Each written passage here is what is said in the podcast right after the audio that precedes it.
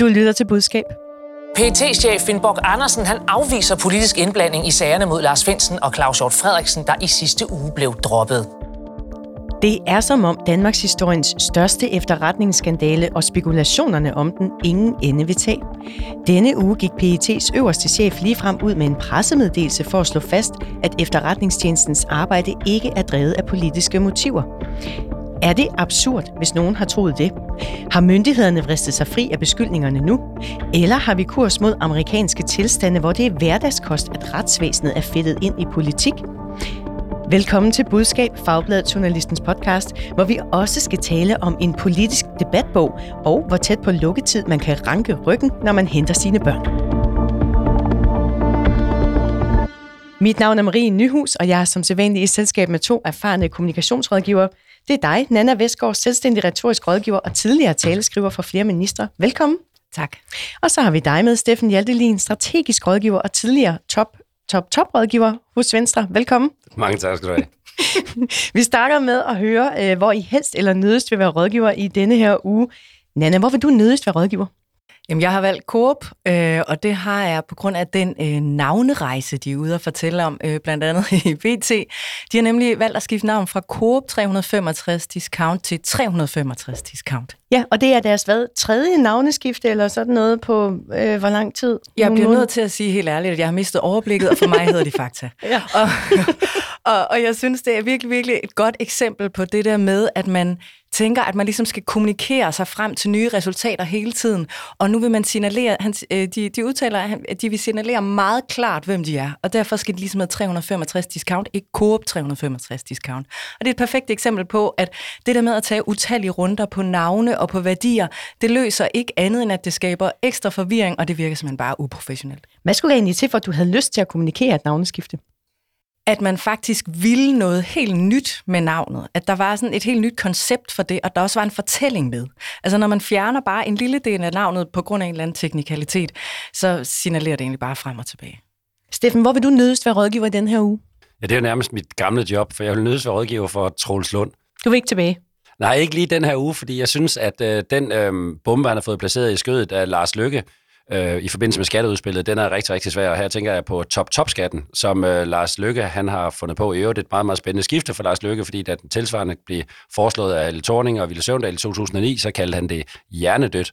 Men øh, nu har han fået et nyt parti til sine nye holdninger, så nu, nu passer han jo fint ind i at være ligesom det rødlige element i en, øh, i en, øh, i en, øh, en, skatte, en skattepakke. Og han siger jo, at det ikke er sådan, sådan set for provenyets skyld, det er fordi, at den nemmere skal glide ned ved de røde.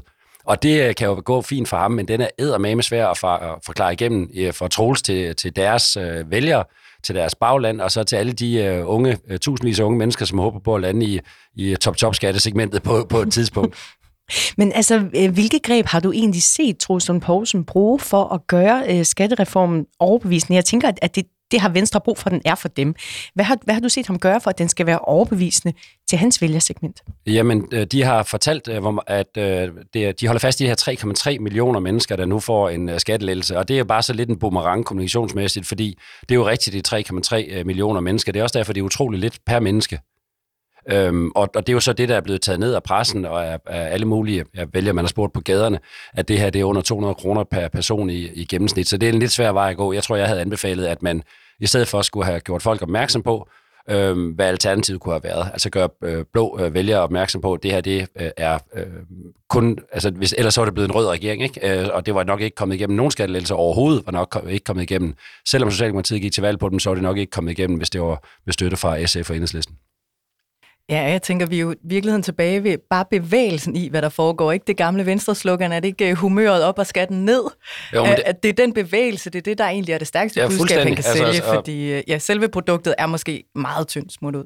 Ja, og, og i og med, at der ligger et, øh, et skattehop, som vi altid har beskyldt uh, Socialdemokratiet for, i den her også med, med, med top-top-skatten, fordi det er ikke alt sammen, der går ned, det er også noget, der går op, øhm, så er den altså bare, den, den, det specifikke element, det er rigtig, rigtig svært for Troels. FE-sagen bliver ved med at sætte spor. Denne her uge, der gik PET's øverste chef ud med en pressemeddelelse, som jeg selv stussede over, og der var også mange medier, der hurtigt samlede den op. Chefen for politiets efterretningstjeneste, Finn Borg Andersen, afviser kategorisk, at der skulle have været politisk indblanding i lækagesagerne. PT-chefen siger i dag i en pressemeddelelse, at det var hans og efterretningstjenestens beslutning. Og han afviser dermed, at politikere blandede sig i beslutningen. Her forholder han sig for første gang direkte til, at både Finsen og Hjort tidligere har antydet eller direkte hævdet, at sagerne mod dem var politisk motiveret. Pressemeddelelsen har overskriften PET-chef kolon jeg står 100% inden for efterforskning af lækagesagerne. Og i pressemeddelelsen udtaler PET-chef Finnborg Andersen, vi efterforsker de sager, vi skal efter loven. Det er kernen i en retsstat, og ærligt talt mener jeg, at antydningen af, at hele sagen skulle være drevet af personlige eller politiske hensyn, er absurd. Det er en pressemeddelelse, hvor han pure afviser, at PET er spændt for nogen politisk vogn, og heller ikke var det i FE-sagen. Steffen, hvordan er det overhovedet kommet dertil, at PT har brug for at gå ud med en pressemeddelelse med det her budskab? Jamen, det er, jo den, det er jo den samlede sag, og hvis man skal se på hele sagskomplekset, så går det jo helt tilbage til Mink-sagen. Det, at der har været en, øh, en stemning i befolkningen af, at der, der var ting, der har været politiske, som ikke burde være øh, politiske, politisk bestemt. Derudover så har det jo heller ikke øh, været nemmere for sagen, at de har to modstandere, som har vist sig at øh, være rigtig bøvlet. Altså Claus Hjort Frederiksen, kunne man næsten sige på forhånd nok ikke vil, øh, med så vil sige, folde, for at bruge et amerikansk udtryk, i, øh, i det her. Øhm, og så har Finsen jo også vist sig, på trods af, at der er nogle, øh, nogle ret dramatiske personlige øh, oplysninger om ham i det her, så man kunne få mange mennesker til at gemme sig i Tisvilde, så har han jo altså øh, taget kampen øh, fuldstændig, øh, fuldstændig med, med, med fremskudt bryst. Og derfor har der været så meget virak øh, af, de, af de årsager. Og så er man altså ude og sige, jamen prøv at høre, der er ikke noget øh, at komme efter den her sag. Problemet er jo, at det kommer så sent, at det bliver sådan lidt, I'm not a crook.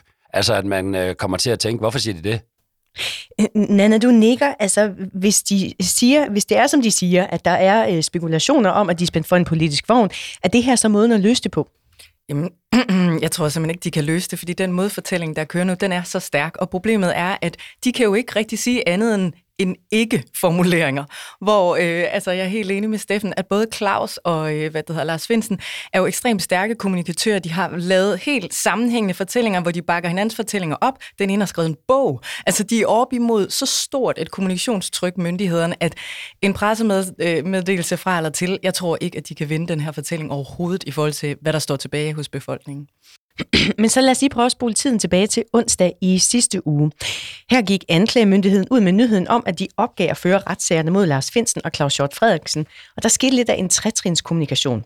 Først så gik anklagemyndigheden, altså Rigsadvokaten, ud med deres pressemeddelelse, hvor de skriver, at det efter højesterets kendelser vil være særdeles vanskeligt at retsforfølge personer for brud på tavshedspligt. Her kommer et citat. Konsekvensen er, at det de facto kan være straffrit at bryde sin tavshedspligt i sager af den karakter. Og det var et budskab, som Rigsadvokat Jan Rickendorf gentog i medierne. Efter min opfattelse, så står vi nu i en situation, hvor vi faktisk ikke har et øh, strafferetligt værn mod brud på tavshedspligten, for så angår nogle af de øh, mest fortrolige oplysninger, vi har i, i, i landet. Efter trin 1, øh, så kom trin 2, det var PET, der gik ud med en pressemeddelelse, der havde overskriften droppede straffesager viser behov for ny lovgivning, hvor de lægger sig i slipstrømmen af anklagemyndighedens øh, pressemeddelelse. Her bemærker PET-chef Finnborg Andersen, at der er en uholdbar retstilstand, og PET opfordrer direkte til, at man, citat, overvejer, hvordan lovgivningen for håndtering af straffesager, hvor i der indgår klassificerede oplysninger, kan styrkes. Og herefter, der kom så trin 3, det var justitsminister Peter Hummelgaard, der gik ud og bakkede op. Det er jo en retstilstand, som jo også vil indebære, at vi i fremtiden jo reelt ikke vil have mulighed for at retsforfølge personer, som lægger statshemmeligheder eller klassificerede oplysninger, som kan skade statens sikkerhed. Og derfor vil regeringen jo også i samme ombæring se på, om der er behov for lovændringer i den sammenhæng. Steffen, de her tre udmeldinger, Rigs, øh, Rigsadvokaten, PET og Justitsministeren, de kommer samme eftermiddag. En lille uges tid efter højesterets øh, seneste kendelse, det var den med delvist lukkede døre i sagerne om Hjort og Finsen. Hvor koordineret ser det ud for dig? Ja, det ser jo utroligt koordineret ud. og man kan sige, hvis man er under beskyldning for, at, øh, at der er sammenblanding mellem anklagemyndigheden og, øh, og politik, øh, så er en koordination i den her sammenhæng jo ikke lige øh, det, der trækker i den rigtige retning. Så det synes jeg, det synes jeg er mærkeligt. Jeg er overhovedet ikke statsretlig ekspert, men jeg må sige, at, øh, at også det, at man fra øh, anklagemyndigheden øh, nærmest stiller spørgsmålstegn ved højesterets afgørelse og siger, at den er problematisk. Og, og de siger jo, dermed, det er ikke det, de gør. De siger bare, at når, hvis man lægger den ramme til grund, ja. så må vi sådan og sådan. Yes, ja. jamen det kan du godt sige, men det siger ikke, den er problematisk. Man siger bare, at hvis man lægger det til grund, så kan vi aldrig nogensinde øh, anklage nogen nogensinde for at bryde deres, øh, deres tavshedspligt, og det er jo problematisk. Ja. Og dermed lægger de den direkte op til at sparke i mål, lettere at sparke i mål fra, fra den politiske øh, del. Øhm, og det, og det, ja, det ser ikke særlig skønt ud. De har vel også trukket lidt tilbage senere, men øh, og bare lige øh, stadfæstet senere, det er altså højesteret, der bestemmer, og højesteret kan ikke lave en forkert afgørelse, fordi det er sådan, vi har besluttet, det er i det her samfund, at det er højesteret, der træffer en afgørelse, og så er det, så, så er det den, den rigtige afgørelse. Nana, vi skal lige her deklarere, at du er ekstern underviser for anklagefuldmægtige øh, og underviser i, hvordan de skal procedere i retten, altså anklagefuldmægtige hos Rigsadvokaten. Mm, øhm, men du har ikke haft noget at gøre med kommunikationen her. Det skal jeg lige understrege, så er det på plads. Korrekt. Men derudover, så er du jo også tidligere embedsmand. Og jeg ved, at du synes, at det er nogle vilde udmeldinger, der kommer her i de her pressemeddelelser. Hvad synes du egentlig er det vildeste? Er det Rigsadvokaten, der siger, der mangler et strafferetligt værn, eller er det PET, der direkte efterlyser en ændret lovgivning? Jeg synes, at det, det er begge dele. Altså, jeg synes, det er, det er uhørt, at man, at embedsmænd jo i virkeligheden går ud og siger, hvad, altså gerne vil være lovgiver. Det er, det, og det er særligt problematisk i en sag, hvor man er oppe imod en fortælling om, at embedsværket faktisk har været politiseret eller styret fra politisk hold, og så siger vi, det er i hvert fald ikke. Men nu vil vi godt være politikere alligevel, fordi nu skal I lige høre, hvad I burde vedtage i Folketinget. Altså det, det, det svarer jo til at, at synes, at et eller andet hus øh, brænder, og så slukker man ilden og så siger, men prøv at se, hvor gode vi er til at lave bål herover. Altså det, det, det... Men, men altså, hvis de ser et problem med lovgivningen, som den er i dag, og som højesteret øh, har lagt den til grund, hvordan kan de så gøre opmærksom, øh, gøre opmærksom på det, uden at blive beskyldt for at politisere? Jamen, jeg vil da anbefale, at man gør det, som øh, embedsmænd, nu er jeg selv, som du siger, gamle embedsmænd gør hver eneste dag. Man lægger sager op. man lægger sager op gennem systemet, og gør den, de gældende minister, det vil sige det her, øh, i den her situation justitsministeren, opmærksom på, at øh, man mangler noget lovgivning her, hvis man kan gøre det der hint. Det er det, vi gør hver eneste dag. Der er fosser tusindvis af sager op lige præcis i dag til alle regeringsministre, og nogle af dem er selvfølgelig nogle ministerne selv bestiller og gerne vil have undersøgt, men rigtig meget af det er jo også embedsværket, der gør opmærksom på, at der er huller i lovgivning, at der mangler penge til det der hint, og det er det, man skulle have gjort her. Man skulle tage vasketøjet internt. Og har vi ikke prøvet, har vi ikke hørt det utallige gange, når, når politi bliver, øh, bliver spurgt om, politi politifolk bliver spurgt om, er den her straf for lille? Så siger de, det er ikke vores afgørelse, det er politikernes afgørelse. Og hvis de så synes det, så må de så lave et notat til politikerne. Her der foregår det hele i pressen, og, og de synes noget selv. Så ud af pressemeddelelserne med budskaberne og ind i sagerne øh, i stedet for. Ja. Lad os da også lige tage med, at Rigsadvokaten gik ud med en præcisering fredag. Under overskriften Rigsadvokaten præciserer påtaleopgivelser, der udtaler Rigsadvokat Jan Rickendorf. Det er fra forskellige sider fremført, at anklagemyndigheden i forbindelse med opgivelsen af tiltalerne i FE-sagerne indirekte har antydet, at de pågældende er skyldige. Jeg vil gerne slå fast, man kan på ingen måde tolke anklagemyndighedens udtalelser således. Steffen, hvad siger det dig om Rigsadvokatens øh, kommunikation, at han har behov for at gå ud med en præcisering? Jamen, det, det viser måske, at man skal holde sig helt fra at være i pressen øh, in the first place, kan man sige, i den her. Øh, fordi det er, det er jo ikke deres øh, métier, og det viser også, hvor uskyndt det er, at man selv skal ud og, og redde for det her. Og hvad er det næste? Er det så en præcisering af præciseringen? Altså, det, øh, det, er, det er bare en farlig vej at gå. Men så lad os lige uh, summere op her. Altså, vi har en situation, hvor myndighederne selv siger, at der florerer beskyldninger, som er forkerte. Uh, har kommunikationen fra PET og Rigsadvokaten bidraget til, at vi ser dem mere eller mindre som nogen, der er spændt for en politisk vogn? Mere, vil jeg sige. Jamen, jeg er helt enig. Og jeg var så i øvrigt, vil jeg også bare lige, altså vi skal jo alle sammen huske, at der er ikke nogen af os, der får noget ret godt ud af den her debat. Altså, det er, og, fordi der er jo stadigvæk den her mulighed, at alt, hvad de siger, er rigtigt der er den her mulighed, at Barbara Bertelsen ikke har haft noget med det her at gøre. Det mener jeg seriøst. Altså, og, øhm, og så øh, ender vi alle sammen i sådan en nærmest trumpistisk øh, diskussion, men man bidrager altså til det, når man, øh, når man laver et oprydningsarbejde her, som virker så utrolig nøje koordineret øh, mellem øh, embedsfolk og politikere. Plus, at man går ud og netop anbefaler lovgivning. Altså, det synes jeg er en kæmpe fadese. Altså, jeg forstår simpelthen ikke, hvordan de kan se, hvor stor en fare det er. Altså, vi, vi kigger jo, vi kan være bange for sådan nogle uh, Trump-tilstande i USA, hvor man, hvor man virkelig er, har et meget politiseret retsvæsen, og det har vi heldigvis overhovedet ikke i Danmark. Og derfor synes jeg, det er meget, meget farligt, de går ud og agerer på den her måde. Det, der ville være det gode at gøre, det var bare helt tørt, altså gerne mega tørt og kedeligt kom ud og kommunikere, jamen vi frafalder særne på grund af det er helt, og, og, og sådan er det, og alt er foregået ordentligt. Og så har vi altid ikke mere at sige. Og så må politikerne slås om, om lovgivningen skal, være, øh, skal laves om, og om der er et problem i det. Men vi hører i virkeligheden alt for meget til de her øh, aktører i sagen, og vi hører alt for mange politiske formuleringer. Men hvis de gik med den, Anna, ville de så ikke bare blive beskyldt for at lukke alt for meget ned i deres kommunikation? Det er jo pæt. Nå, men altså, man kan, det, altså, det er begrænset, hvor hårdt man kan beskylde øh, efterretningstjenesten for at lukke ned i deres kommunikation. Ja, jamen, jeg er helt enig.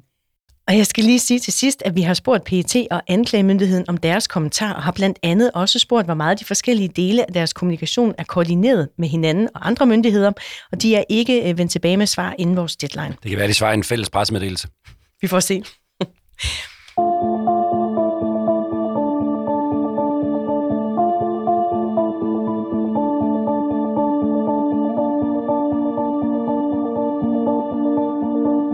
Du lytter til Budskab, Fagbladet Journalistens podcast om kommunikation.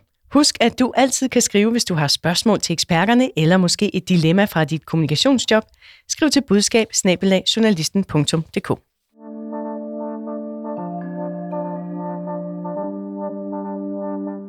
I Venstre har tidligere formand Jakob Ellemann Jensen beklaget sig over, at de mangler fodfolk til at skrive bøger, der kan starte en debat og vise visioner. Det problem har de ikke hos Socialdemokratiet, hvor senest udlændinge- og integrationsminister Kåre Dybvad har været i bogværkstedet. I sin nye bog Arbejdets Land, den udkommer i morgen, der skriver han, det er ikke sundt for den enkelte at lade være med at arbejde, det er ikke holdbart for samfundet, hvis alle går på deltid som handler om øh, blandt andet det her med, hvordan vi alle sammen har en pligt til at arbejde for, at vi har en samfundsmodel, der ligesom hænger sammen. Så skal det altså handle om balancen mellem, hvor meget tid vi bruger på arbejde, og hvor meget tid vi måske bruger på noget, der ikke er arbejde. Det kunne fx være øh, at hente børn. Steffen, hvorfor har Kåre Dybvads bog været så effektiv til at sætte dagsordenen? Jamen, øh, det er, det er gode og kontroversielle bøger, øh, virkelig, virkelig øh, effektive til for politikere. der er ikke ret mange, der gør det. Og en af årsagerne er nok, at der er ikke ret mange, der har tænkt dybe nok tanker til, at det er værd at skrive en bog om. Øhm, det tror jeg simpelthen er desværre er virkeligheden. Men det har han, det har han også gjort før. Øh, så han er en af dem der, dem, der kan, og som tør tage den efterfølgende debat. Og den store fordel ved en bog, er jo, at, øh, at, øh, at det giver dig tid til virkelig at uddybe dine pointe. Øh, og du skal også virkelig have mange pointer, før det kan række til en bog.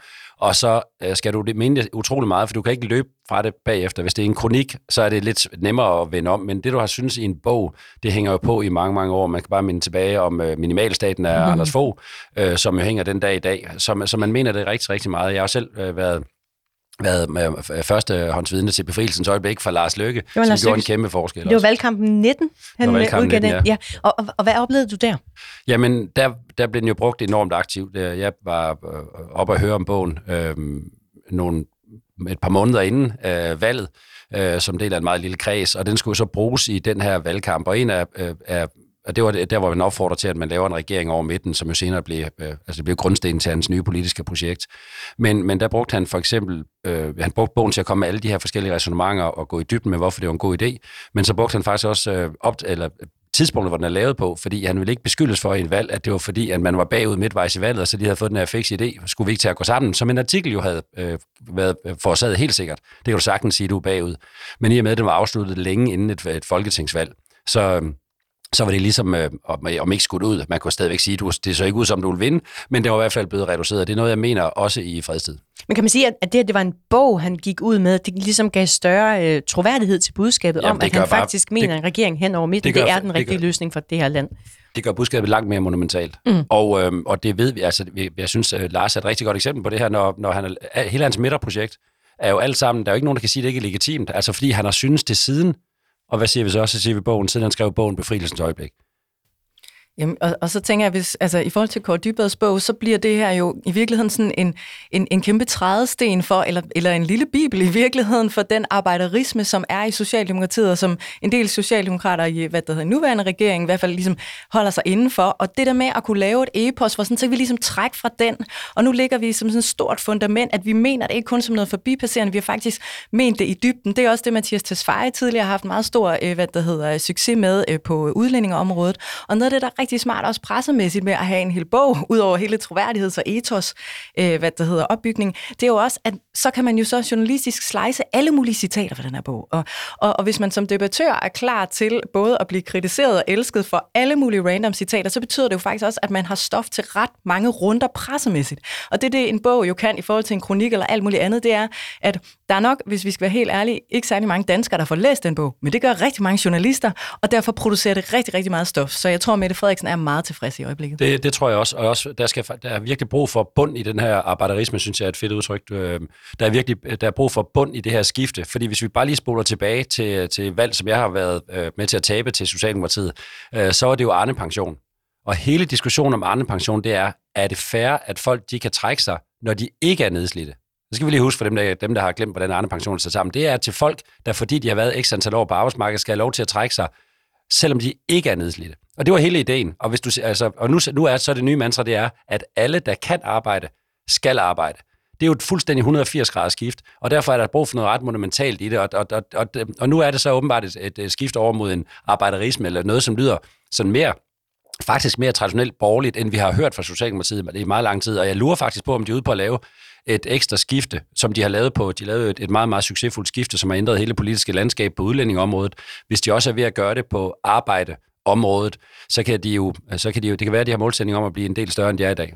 Men lad os lige dykke ned i noget af det, som Kåre Dybvad har sagt i forbindelse med det, du kalder en bibel for arbejderisme, mm. Nana. Øh, det var i et interview med Jyllandsposten, hvor han sagde det her, jeg synes nærmest det episke citat. Lad være med at kigge ned i jorden, når du henter dine børn, lige før børnehaven lukker. Gå med rank ryg. Du har intet at skamme dig over. Vær stolt over det kæmpe bidrag, du leverer til samfundet. Hvorfor er den udtalelse som ild på den offentlige debat? Øh, det er der flere grunde til, øh, tænker jeg. Nummer et, fordi at jeg tror, alle opfatter Altså, man rammer jo lige ind i alle forældrehjerter, fordi jeg tror ikke på, at der er nogen forældre, der synes, det er super fedt at komme fire minutter i fem og hente deres barn som den sidste. Og det synes de færreste børn i øvrigt heller ikke. Så, så, så det der med umiddelbart at kunne genkende citatet i sig selv, det tror jeg nul modtagere har kunnet. Og derefter, øh, så tror vi faktisk heller ikke, tror jeg, øh, på, at, at Kåre selv har den oplevelse. Når han kommer fire minutter i fem, så går han ikke ind med rank ryg, så løber han ind, og så hiver han sig bare noget og siger undskyld og løber tilbage. Så der er utrolig meget utroværdighed, men der er jo også utrolig meget politik i det. At han ligesom vil ophøje noget, som alle skammer sig over, til, til, til noget, der er flot. Så derfor er det sådan en rigtig kantsætning, som skaber utrolig meget debat. Og han har jo indtil videre stået på mål for den, selvom han har undskyldt. Altså det er jo ikke, han, han har undskyldt sådan lidt, at selvfølgelig skal man være sammen med sine børn, og det er jo ikke, fordi institutioner er, er det bedste i verden. Men det er jo sådan en debatsætning, der virkelig giver en retning for den her arbejderisme. Skal vi lige prøve at høre, hvordan han selv har, fordi han har jo skulle, øh, hvad skal man sige, uddybe eller, eller forsvare denne her udtalelse i flere medier, blandt andet i DR's podcast øh, Tiden.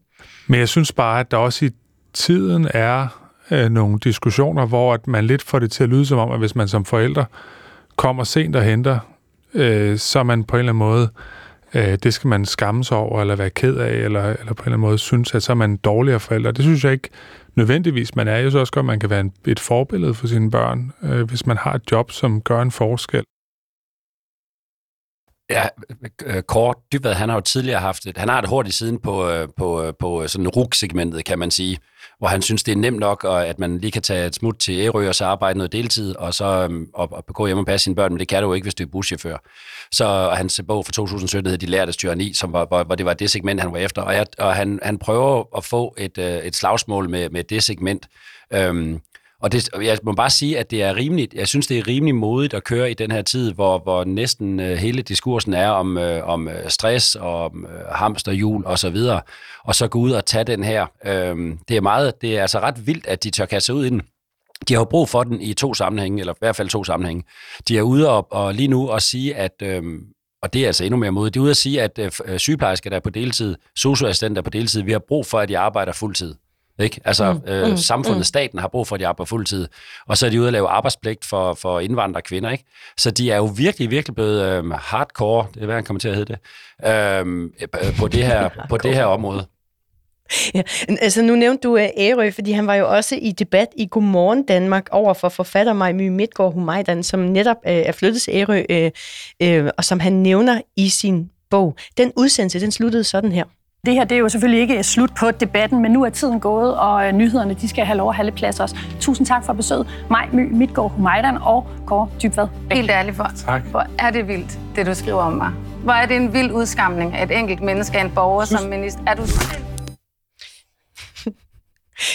Øh, er det vildt, at han skriver, som han gør med en enkelt borger? Ja, det er lidt vildt, kan man sige. Øh, men jo rimelig cool af hende, fordi hun er altså ikke helt almindelig borger. Hun er også, øh, hun er også rutineret kommunikatør. Og må ikke hun har tænkt, at den der kan hun lige nå at få med på bånd. Øh, det, er, det, er, ja, det, er, det er en voldsom... Øhm, øh, det er en voldsom udmelding, også fra ham. Men han er, jeg tror netop, at hun er øh, indbegrebet af det, han har lyst til at tage opgøret med. Øh, det andet, det er meget, meget svært. Han kan sagtens tage et opgør med hende. Det er meget, meget svært at tage opgør med socioassistenter og, og sygeplejersker. Jamen, jeg er helt enig, og jeg vil også sige, altså det, det han laver her, det er jo et, et godt eksempel, et godt gammeldags eksempel på det, vi kalder stemmesamlende retorik, at han prøver lige at, om at samle øh, det der arbejdende Danmark, og der er det nemlig meget præcis, det er ikke hele det arbejdende Danmark, det er det ufaglærte og faglærte, altså folk med korte uddannelser, arbejdende Danmark, det er dem han efter, og gøre deres hverdag legitim, gør det legitimt, at de kommer sent og henter deres børn, og så give en ordentlig knytnæve til dem, der tillader sig, at, eller i hvert fald har penge nok til lige at tage tre måneder uden arbejde, hist og pist. Øh, så jeg tror, jeg synes faktisk, jeg er lidt uenig, Steffen, i forhold til det, du sagde tidligere med, at det er en vending i deres fortælling. Jeg synes faktisk, den er ret konsistent, fordi Socialdemokratiet har i mange år haft den her fortælling, den der romantisering af de ufaglærte arbejdere. Det er vigtigt, at de selv ligesom skal fremhæve, hvordan de også selv er fra dårlige kår. Så grund til, at Arne han må gå tidligt på pension, det er jo fordi, at han i virkeligheden kun må, hvis samfundet giver ham lov, hvorimod dem, der selv har lov til at gå, de skal blive og arbejde, fordi de ikke ligesom har haft det der fysiske arbejde. Så der er sådan, jeg synes hele tiden i deres fortælling, der er nogle danskere, der bliver forherliget, som skal have det godt, og som er det gode arbejdende folk, og så er der dem med længere uddannelser, som måske har lidt mere på kontoen, der skal tage sig lidt mere sammen. Jeg, jeg forstår godt, hvad du siger, men mm. øh, det er måske også, fordi jeg er posttraumatisk stress, at jeg skulle prøve at kæmpe mod den der Arne-pension, som, øh, som, øh, som de prøvede på hele tiden at lyde, som om jeg var nedslidt, på trods af, at der i loven stod, man ikke måtte være nedslidt. Yes. Øh, så så den, den, den var tung, men jeg, ja, det kan godt være, at du har en, en, en pointe i det. Det var dog stadigvæk en, øh, en, en, en valgsejr, man fik på at sige, at folk, der godt kunne arbejde, de måtte godt lade være med at arbejde, fordi de havde fortjent ikke at arbejde, efter de har arbejdet så meget. Yes, Og det synes, jeg, det synes jeg er en, en, en, en smule anderledes end det, der signaleres nu. Men altså, hvis vi lige skal gøre stillingen op til allersidst, er de glade i Socialdemokratiet for bogen, den debat, den har kastet af sig, og dækningen af den? Ja, det tror jeg. Det tror jeg. Jeg tror, det, øh, jeg synes, det er et godt eksempel på, at øh, Mette, Mette Frederiksen, som sidder for bord inde i alt det her, at hun er altså ikke bange for at, at takle igennem, hvis hun kan se, at der, er en, der skal laves en forandring, som man kan få glæde af på sigt. Ja, og så, øh, altså, jeg tror, hun har jo også selv øh, brugt det i sine taler, og her kommer endelig en partisoldat, der bare bakker op. Jeg tror, at hun sidder og klapper i hænderne virkelig, og håber, at, at flere bakker op, og, øh, og jeg tror faktisk også, at hvis vi så kigger flere år down the road, så vil, den her, øh, så vil det, de signalerer nu, det kan blive vigtigt i de kampe, vi får om velfærdssamfundet nogle år, hvor vi kommer til at mangle penge. Ikke? Så kan de vende tilbage og sige, jamen når vi nu fjerner X, Y, Z ydelse, vi har jo sagt det, hvis I ikke arbejder igennem alle sammen, så kommer vi ikke til at have nok sygeplejersker, og videre, og så videre, og så videre. Så jeg tror også, de har lagt i kakkeloven til noget, som de kan tage rigtig velbagt ud om øh, nogle få år. Nana Vestgaard og Steffen Hjaltelin, tak for at være med i budskab i dag. Selv tak. Selv tak.